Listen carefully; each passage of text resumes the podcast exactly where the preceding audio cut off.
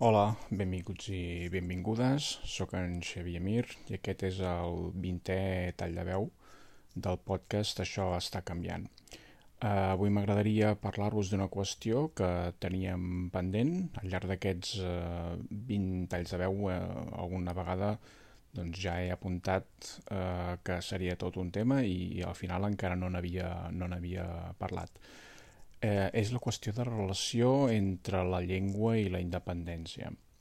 Eh, mireu, per resumir-ho, d'entrada sempre defensaria que eh, són qüestions eh, diferents, eh, sense que ningú s'hagi d'emportar les mans al cap. Eh, segurament discutint més els detalls eh, acabaríem estant en bona part d'acord, a vegades quan fem aquestes afirmacions doncs no tothom ho interpreta de la mateixa manera i, i a vegades algunes persones s'escandalitzen de seguida. Mm? Però, en definitiva, per mi la idea és que eh, és un mal negoci eh, associar la independència a la, defensa de, a la defensa de la llengua. Bàsicament, si hi ha una persona que eh, es pot sentir que, que, que no és catalanoparlant, com a llengua inicial o habitual o, eh, o, o que sigui, eh?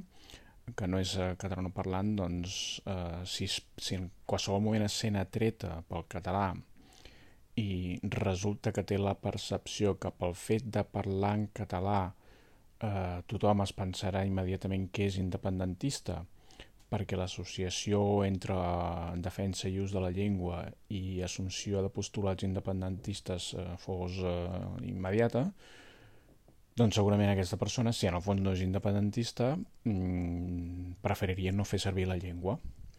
Aleshores, crec que és un mal negoci.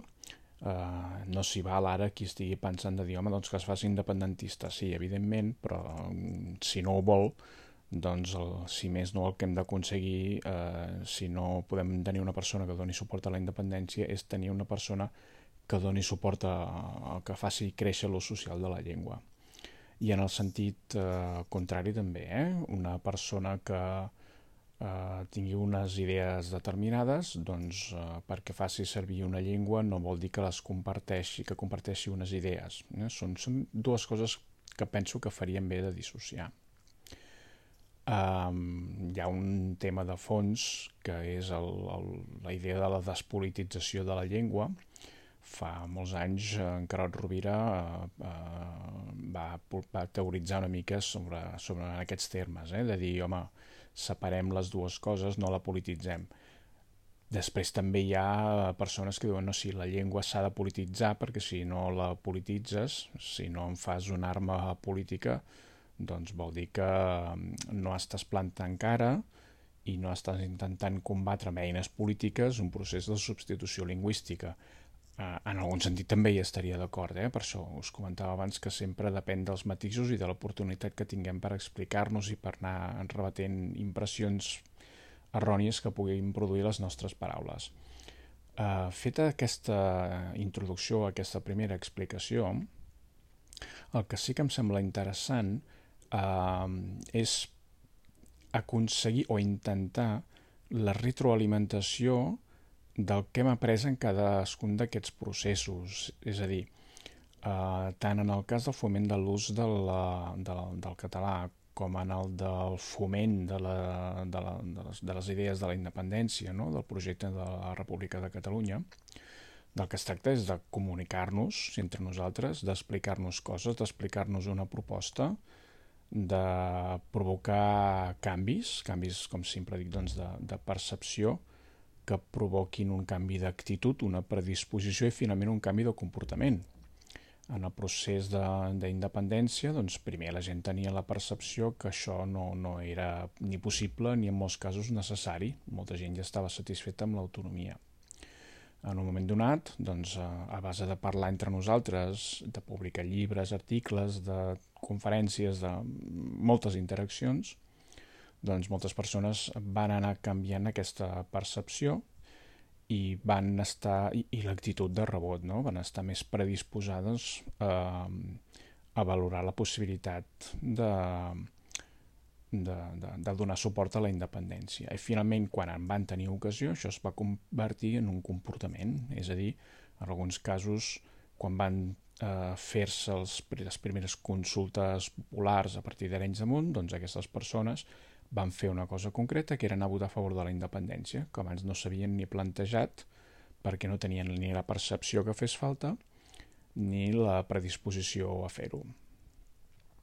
Doncs bé, eh, aquest procés de convèncer persones eh, ens ha dut on ens ha dut, mm, que malgrat que, que, que no ens en vam sortir perquè teníem al davant un estat que no tenia prou eh, qualitat democràtica, doncs hi ha una majoria des de fa temps que hauria de ser suficient perquè això fos una realitat. Um, de totes maneres, sí que és veritat que com que hem trobat aquest estat i ara som en aquesta situació que hem d'intentar guanyar més suports, ara ens adonem eh, de l'error, entre cometes, que vam cometre de menysprear mm, o de no tenir prou en compte una sèrie de persones que segurament no eren del tot contràries a la independència, però que potenciant un tipus de discurs i no un altre, potser no ens les vam posar prou a favor, les vam menys tenir. Eh? Vam, anar, vam tirar molt pel dret, fent determinades afirmacions que potser no, no eren gens empàtiques amb una sèrie de persones, i ara ens trobem doncs, que, home, realment aquestes persones ens aniria molt bé que donessin suport a la independència i, per tant, estem en aquesta fase de, de revisar els matisos eh, amb què, i l'èmfasi amb què expliquem el projecte de la república, potser d'una manera menys eh, identitària, que no, que no es faci sentir violentes persones que tenen altres identitats, eh, potser d'una manera més eh, social. No? Doncs eh, es tractaria d'aprendre eh, d'aquests errors en el mateix procés de defensa de la llengua.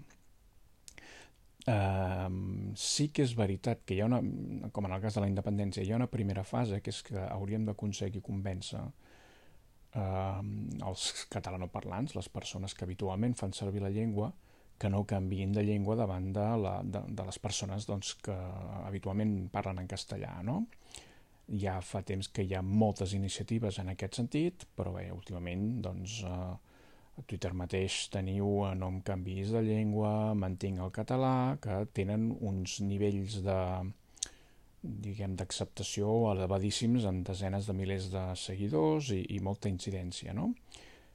Però, clar, això mm, va adreçat bàsicament a persones que ja són catalanoparlants, de la mateixa manera que en el seu moment doncs, eh, l'independentisme es va adreçar als que tenien un potencial independentista molt clar, no? tots els que ja eren catalanistes, nacionalistes, etc etc per dir-los que més que nacionalistes el que havien de ser era independentistes.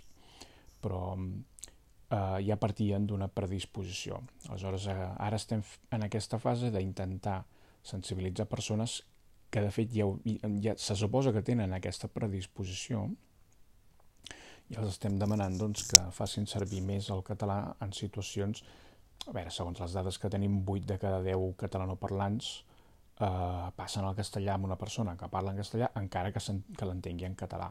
I és evident que aquesta dada hauria de canviar eh, molt i en poc temps mm, perquè eh, les coses eh, poguessin començar a canviar una miqueta.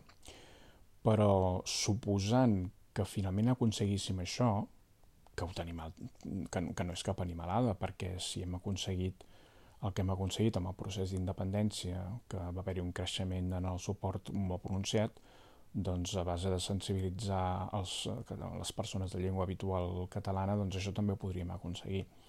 Però tard o d'hora arribaríem al punt en què hem d'apel·lar, interpel·lar les persones que no són de llengua inicial i habitual eh, catalana. Aleshores, els matisos les maneres com defensem o com fomentem l'ús social de la llengua, no hauríem de perdre mai de vista aquest col·lectiu, aquestes persones que d'entrada no se senten identificada, no se senten identificades com a catalanoparlants.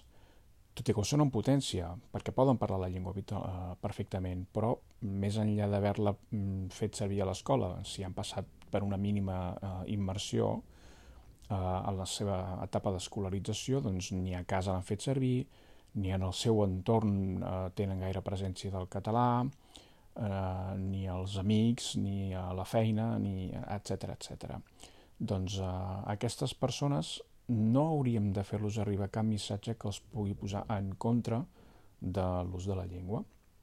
Aleshores, per tant, aquí hi ha una feina molt important de pensar bé el tipus de missatge, de no tirar pel dret, de no ser descurosos i, i, i patir excessos d'eufòria, d'emetre de, de, determinats missatges que puguin generar antipatia, que puguin generar fins i tot odi. Moltes persones que no, no sé si sense adonar-se'n o, o perfectament conscients eh, associen la defensa de la llengua a l'odi al castellà i això és absolutament innecessari, no, no en tenim cap, de, cap necessitat. El foment del català no necessita l'odi cap a cap altra llengua, ni el castellà, ni l'anglès, ni cap altra. Uh, aquesta era la reflexió que us volia deixar avui, que com us deia tenia pendent des de fa bastant, i aquest, uh, amb aquest tall que és el 20è, doncs m'ha semblat que era oportú de, de compartir-la amb vosaltres. No sé fins a quin punt hi esteu d'acord. Si voleu deixar els vostres comentaris, doncs podeu fer-ho uh, a Twitter mateix, amb el meu nom d'usuari Xavier Mir, o en qualsevol altre canal que, que, que considereu adient eh, per fomentar aquest debat. Moltes gràcies per ser-hi i continuem.